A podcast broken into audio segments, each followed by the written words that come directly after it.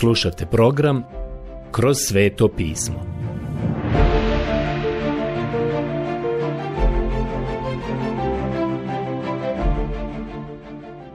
Knjiga Poslanica Efežanima Odlomak Poslanica Efežanima Poglavlje 2 od 1. do 3. stiha Prijatelji, dolazimo do drugog poglavlja poslanice Efežanima. Ovdje se zapravo nastavlja misao koju smo imali u prvom poglavlju. U nekim prevodima ovaj prvi stih u drugom poglavlju čak počinje veznikom i. Vi ste bili mrtvi zbog svojih prijestupa i grijeha. Poslanica Efežanima 2.1. Pavle ovdje sada govori o toj ogromnoj sili koja je podigla Isusa iz mrtvih. Ta sila jeste ono što nas čini djetetom Božijim jer u protivnom smo mrtvi u svojim prestupima i grijesima, kao što ćemo i vidjeti malo kasnije. Ali sada smo oživljeni u Kristu, kao što Pavle kaže. Zato je potrebna sila. Potrebna je sila uskrsnuća. To je ono što su mnoga Božja djeca željela doživjeti. Mislim da je Francis Ridley Havergal izrazio to na nevjerovatno najljepši i najfiniji način. Oh, obznani mi silu uskrsnuća. Oh, da mogu pokazati tvoj uskrsli život u mirnom i jasnom odrazu. Oh, da mogu dati od darova koje si meni besplatno dao. Oh, da mogu živjeti životom izobilja kakvim i ti živiš. Siguran sam da je ovakva molitva u srcima mnoge Božje djece u današnje vrijeme. Sada će Pavle ovdje otkriti nešto od te ogromne sile koju će Bog i danas osloboditi u životu svakog onoga ko se obrati Isusu Kristu. Bog će ga podići iz duhovne smrti u duhovni život. To je ogromna sila i moć. Čini se da Bog prilično nevoljno prepušta moć čovjeku i mislim da možete vidjeti zašto je to tako. Sjetite se samo vijekova koji su iza nas, kada čovjek nije znao ništa o atomskoj energiji. A onda je čovjek otkrio atomsku energiju i to je promijenilo svijet. Šta je to donijelo svijetu? Da li ga je učinilo predivnim mjestom za život? Ne, prijatelji moji. To je ovaj svijet učinilo užasnim mjestom za život, jer današnji čovjek ima moć da uništi svijet. Uz pomoć sile koja se nalazi u malom atomu, čovjek je danas postao veoma opasan. Mislim da živimo kao noj sa glavom u pijesku kada govorimo. Nijedna država se neće usuditi da upotrijebi tu moć. Prijatelji, ima mnogo ljudi koji su danas na moćnim pozicijama. I ukoliko bi samo pomislili da se mogu provući sa tako nečim, sutra bi to učinili. Činjenica je da bi i oni time izgubili. Zbog toga je čovjek opasan kada može da koristi fizičku silu. Možda zbog toga Bog nerado prepušta drugu moć čovjeku. Mi sada i u ovom poglavlju vidimo prikazanu tu moć, ali zapravo ćemo se pozabaviti jednom drugom temom. U posljednjem poglavlju smo vidjeli da je crkva tijelo Kristovo u današnjem svijetu. Tijelo je način na koji se možete izraziti. I gospod Isus se izražava u ovome svijetu kroz svoju crku, kroz svoje tijelo. Tema ovog poglavlja jeste da je crkva hram.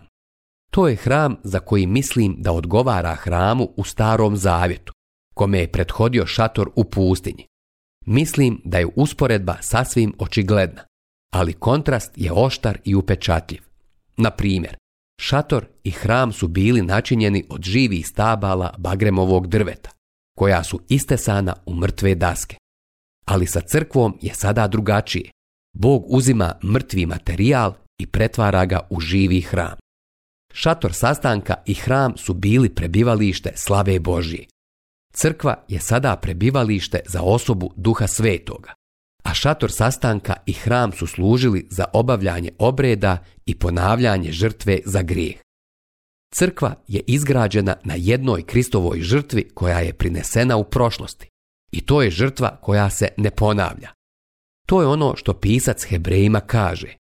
Ne da mnogo puta prinosi samoga sebe, kao što veliki svećenik ulazi u svetinju nad svetinjama svake godine s tuđom krvlju. Inače bi on morao mnogo puta trpjeti od postanka svijeta. Sad se pojavio jednom, na svršetku vijekova, da svojom žrtvom razori moć grijeha. Poslanica Hebrejima 925 do 26. Više nema rituala u crkvi. Kao hram, crkva je funkcionalna. Duh sveti se kreće kroz živo kamenje. U crkvi više nema rituala. Ne slažem se sa onima koji misle da je crkva dobila zadatak da obavlja neki ritual. Danas mislimo da smo imali crkvenu službu ako počnemo doksologijom, imamo molitvu i otpjevamo pjesmu broj 268, i to svih 16 strofa a zatim sjednemo i čitamo sveto pismo. Da li to znači da ste imali i održali crkvenu službu? Jedino što to znači jeste da ste obavili jedan ritual, a u crkvi nema rituala. Sačekajte sada malo. Neko će možda reći, onda to ne smijemo činiti. Pa ne znam kako drugačije to možete činiti. Prijatelj, poenta je u tome da je samo činjenje nekih stvari i izgovaranje nekih riječi mnogim ljudima postalo besmisleno. Takve stvari bi trebale imati smisao i značenje. I naravno, te stvari su ispravne kada postoji smisao i značenje koji su izraženi kroz njih. Molim vas, obratite sada pažnju na sljedeće. Impresivna činjenica ovog doba u kome mi živimo je da Bog ne prebiva u hramu koji je napravljen ljudskim rukama, već on prebiva u pojedincima koji su vjernici. Dozvolite mi da pročitam dijela apostolska, 17. poglavlje, 24. i 25. stih. Obratite sada pažnju.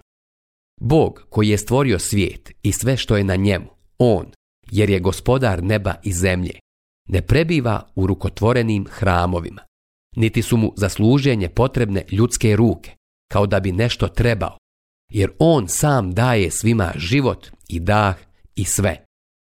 Nama je rečeno, apostol Pavle nam je rekao sljedeće. Ili ne znate da je vaše tijelo hram duha svetoga koji je u vama, kojega imate od Boga i niste svoji. Prva poslanica Korinčanima 6.19 Ja mislim da bih ovdje trebao naglasiti jednu veoma važnu stvar a to je da u starom zavjetu Bog zaista nije boravio u hramu. Kada je Solomon izgradio hram, sjećate se da je na posvećenju hrama ustao i dao sljedeću izjavu. A hoće li doista Bog stanovati na zemlji? Eto, nebo i nebesa najviša ne mogu te obuhvatiti. Koliko manje ova kuća koju sagradih. Pogledajte prvu knjigu o kraljevima, 8.27. Ljudi su razumjeli. Svaki upućeni Izraelac razumio je da Bog ne živi u maloj kuti kao što mnogi liberali danas govore. Čuo sam prije nekoliko godina jednog čovjeka koji je bio predavač na univerzitetu Vanderbilt, kako drži predavanje. On je rekao da su Izraelci imali primitivno gledište o Bogu, da je on mogao prebivati u maloj kuti. Ja bih volio da taj čovjek nema tako primitivan pogled na Bibliju, da je samo pročitao Bibliju, saznao bi da u starom zavjetu nisu vjerovali da Bog može živjeti u maloj kutiji. Bog nikada nije živio u kući ovdje dole na zemlji. Tu se susreo sa sinovima Izraelovim. Ta kuća je imala neke rituale, imala je neke žrtve. Crkva danas nema ništa od toga. Molim vas da sada obratite pažnju. Postoji još jedna veoma velika razlika između crkve i starozavjetnog hrama a to je položaj pagana. Sjetite se da su tamo bili prozeliti i da je postojalo dvorište za pagane. Ukoliko ikada budete u Jerusalemu, popnite se do hotela Holy City i pogledajte repliku Jerusalema. Napravljena je replika u minijaturi kako je grad Jerusalem izgledao u Herodovim danima. A to su dani kada je i Krist živio tamo. Vidjet ćete kada gledate hram da su tamo pagani imali svoje mjesto daleko sa lijeve strane. Nisu se mogli previše približiti. Pavle će ovdje u ovom poglavlju reći, a sada u Kristu Isusu, vi koji ste nekad bili daleko, postadoste blizu Kristovom krvlju. Pogledajte poslanicu Efežanima 2.13. Dovedeni smo sada prilično blizu. Zapravo, mi sjedimo u nebesima u Kristu. Prijatelj, vi to niste sami mogli postići niti poboljšati svoj položaj ni na koji način. Ovo nam daje uvod i predstavu o ovom poglavlju u koje sada ulazimo. Ja bih volio da krenemo i da počnemo govoriti o prvom stihu. I dok to budem činio, dozvolite mi da kažem da sam ovo poglavlje podijelio u tri glavne cjeline. Imate crkvu koja je hram, zapamtite to. I u prvih deset stihova prije svega imate građu za izgradnju hrama. Zatim stihovi od 11 do 18 opisuju način izgradnje. A onda od 19. do 22. stiha imate značenje te izgradnje. Sve je to veoma važno. Dakle, prvo imate materijal za izgradnju. Ja ću čitati iz svoje knjige o poslanici Efežanima koja se zove Istraživanje kroz poslanicu Efežanima. Ova knjiga ide u detalje. Molim vas obratite pažnju na prva dva stiha u ovom poglavlju. Čitaću iz svog prevoda. Neko će sad da kaže, o ne, ne još jedan prijevod. I ja kažem to isto. Uopšte ne preporučujem svoj prevod. Koristio sam ga godinama ovdje u Južnoj Kaliforniji. Taj prevod je ovdje poznat kao McGee-ev apsurdni prevod. Ne preporučujem ga ne preporučujte ga ni vi nikome. Ja nisam pokušao stvarno da prevedem ovaj tekst. Ono što sam pokušao učiniti jeste samo prenijeti izvorne riječi na naš jezik, kako biste možda dobili malo drugačije gledište. Ne preporučujem ovo kao prevod, ali nadam se da ćete pratiti i zapaziti neke stvari. A vi, budući da ste mrtvi u svojim prestupima i u svojim grijesima. Sada će neko da kaže, Čekaj malo, izostavio si riječi oživio je ili podigao ih je. Pa toga nema u originalu. Ukoliko se to nalazi u vašoj Bibliji, primijetit ćete da je to u kurzivu. Stavljeno je tamo kako bi se malo dotjerao i pojasnio prevod. I ja sam sam savršeno voljan priznati da to tamo pripada ili da je nešto drugo potrebno tamo da nam da objašnjenje. Sve je u redu, ali kao što sam rekao, Pokušavam koristiti izvorni tekst i dati vam značenje ovdje bez pokušaja da napravim neki uglađeni prevod. A vi, budući da ste mrtvi u svojim prestupima i grijesima, u kojima ste nekada hodili prema ovom vremenu ili prema duhu ovog vremena. To znači u skladu sa sekularizmom, na način kako hodi ovaj svijet, prema načelima ovoga svijeta. Kada se kaže prema načelima ovoga svijeta, to se ne odnosi na fizički svemir. To znači kosmos, društvo, civilizacija u kojoj se nalazimo. To se odnosi na naš životni obrazac ili na naš stil života. Životni stil današnjeg svijeta. Prema knezu koji vlada. To se odnosi na autoritet. U zraku. Ovo se može prevesti izmaglica ili smog. Duh koji sada djeluje, što znači da daje energiju i snagu. U sinovima neposlužnosti. Đavo uzima ovaj mrtvi materijal, nas, koji smo mrtvi u prestupima i grijesima, i daje tom mrtvom materijalu energiju. To je razlog zašto su brojni kultovi aktivni poput termita i imaju isti rezultat. Oni su veoma aktivni i zauzeti. Prijatelji, to je razlog zašto nas lažna religija ponekad posrami svojom aktivnošću, jer ju Sotona pokreće. Neko mi je rekao, čuo sam da se u tom i tom kultu izvode čuda. Neću se raspravljati u vezi sa tim. Možda ih zaista čine. Znam da je puno toga pretjerivanje. Ali ono što se zaista deša, ko to čini? To je ono što ja želim da znam. Sotona je u stanju duplicirati mnoga čuda koja su zapravo biblijska čuda. Uostalom, nisu li tamo u Egiptu faraonovi čarobnjaci isprva mogli kopirati Mojsijeva čuda? Ali naravno, došao je dan kad to više nisu mogli. Kada dođete u novu sferu, nakon što ste nanovorođeni, rođeni, i počnete se približavati Bogu, Sotona je tada nemoćan tamo. Ali sve dok može da zavara i odvede ljude na pogrešan put – đavo je moćan. I moćan je u tim kultovima i raznim izmima u ovome svijetu. Molim vas, obratite sada pažnju. Ovdje ima nešto važno u vezi sa ovim odjeljkom. Želio bih ovo reći jer će vam trebati da biste to razumjeli. A to je sljedeće. Sve od prvog pa do sedmog stiha ovdje je ono što je na grčkom jeziku poznato kao periodična rečenica. To znači da je onaj koji je ovo napisao pisao čak i malo bolje od grčkog kojine jezika koji se govorio u to vrijeme.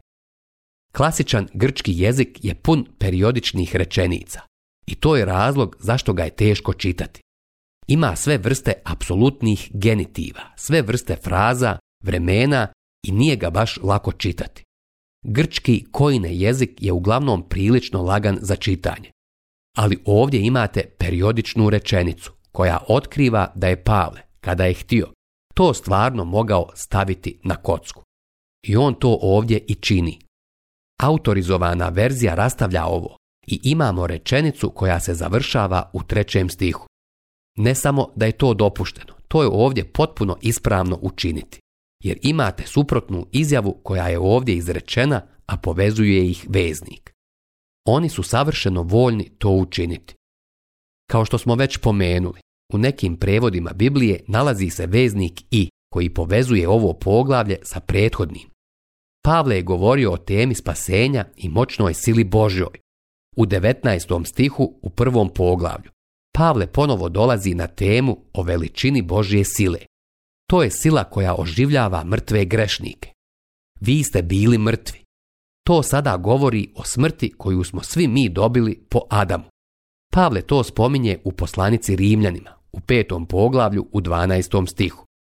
Zato, kao što po jednome čovjeku uđe u svijet grijeh i po grijehu smrt, i tako smrt prijeđe na sve ljude time što svi sagriješiše. Svi su sagriješili. Kako? U tom prvom čovjeku. Adamov grijeh me učinio sinom palog Adama. Ja imam istu prirodu kao i on, a to je pala priroda. Ja nemam sposobnosti niti sklonosti da dođem Bogu. Bio sam mrtav u prestupima i u grijehu. Kada se osvrnem na svoje obraćenje, stvarno mislim da je to čudo. Kako je Bog mogao spasiti jednog tako malog dječaka u domu koji nije bio pobožan? Iako ne mogu reći ni da je bio bezbožan. Moj otac je imao visoka moralna načela. Bio je poznat kao pošten čovjek, ali nije bio kršćanin jednostavno nije bio naklonjen prema crkvi. Nikada nije kročio kroz vrata crkve, ali mene je kao dječaka tjerao da idem u nedjeljnu školu. Uvijek sam se raspravljao sa njim oko toga.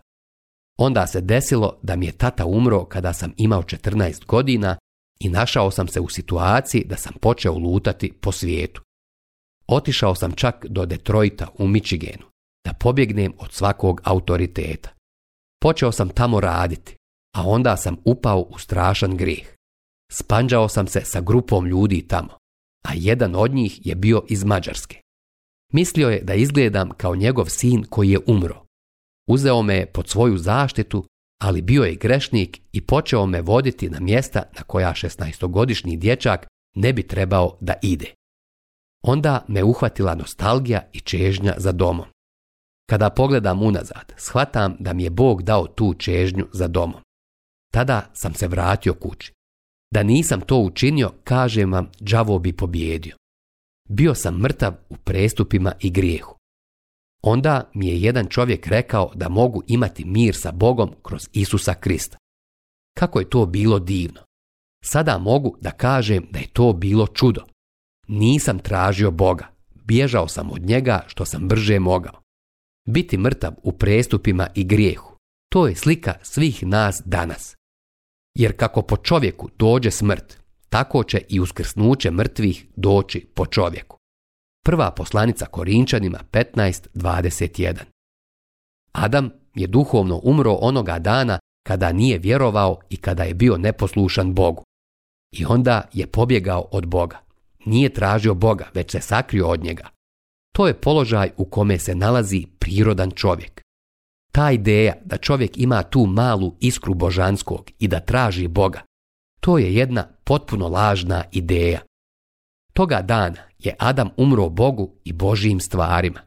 Fizički je umro tek 900 godina nakon što je pojeo ono zabranjeno voće. On jednostavno više nije imao ni sposobnosti ni čežnje za Bogom.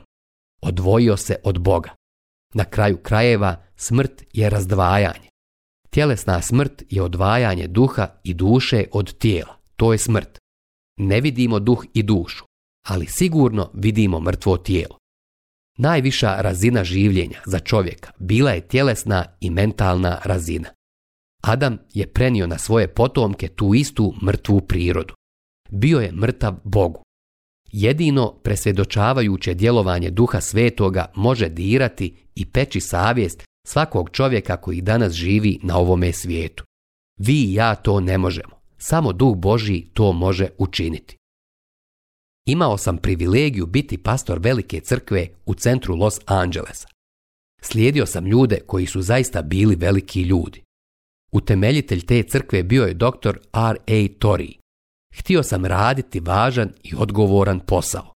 Želio sam donijeti slavu Bogu. I uvijek bih podsjećao sebe svaki put kad bih napustio radio sobu i krenuo na platformu gdje se nalazi propovjedaonica, kako bih tamo propovjedao. Rekao bih tada, Bože, shvatam da sam danas bespomoćan i bez nade. Govorim kao na groblju. Mnogi će tamo biti mrtvi zbog prestupa i grijeha. Ali onda bih rekao, o Bože, ja sam moćan ako se tvoj duh pokrene tamo jer samo tvoj duh može govoriti mrtvima tako da oni mogu čuti. I hvala Bogu da je duh Božji govorio kao što govori na ovom radiju i da ga mrtvi ljudi mogu čuti. I gospod Isus je rekao da onda kada dođe duh Božji, da će presvjedočiti svijet o grijehu, pravednosti i o sudu. Vi i ja živimo na jednom velikom groblju na ovom svijetu. Ljudi su zapravo mrtvi. Jedan Irac je dao sljedeću izjavu. Nekoga je upitao šta je to groblje. On je odgovorio, pa groblje je mjesto gdje žive mrtvi. To je mjesto gdje mi danas živimo, mrtvi ljudi, mrtvi u svojim prestupima i grijesima. Ovom je zemljom prije mnogo godina hodao jedan poznati sudija, koji je često držao poznato predavanje na temu milioni koji sada žive nikada neće umrijeti. Slijedio ga je jedan veliki propovjednik koji je došao u grad i održao predavanje. Milioni koji sada žive već su mrtvi. I znate šta? Bio je više u pravu od tog sudije jer su milioni ljudi već bili umrli. Zanimljivo je to da danas postoje milioni, nekoliko milijardi, mrtvih u prestupima i grijesima. To je slika koja govori nama koji smo mrtvi u svojim prestupima i grijehu prestupi govore o onome šta je Adam učinio, a grijesi se odnose na to da vi i ja promašujemo cilj. Kakva slika današnjeg čovječanstva? Sljedeći put ćemo nastaviti dalje, a do tada, dragi moj neka vas Bog obilno blagoslovi.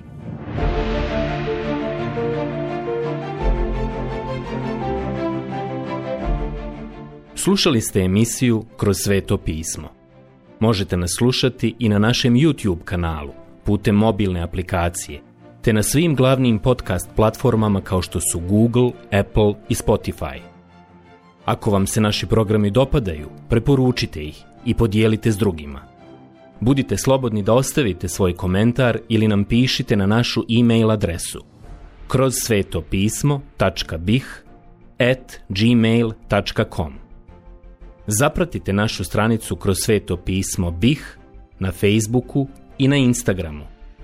Emisije iz ove serije možete pronaći na našoj stranici ttb.twr.org.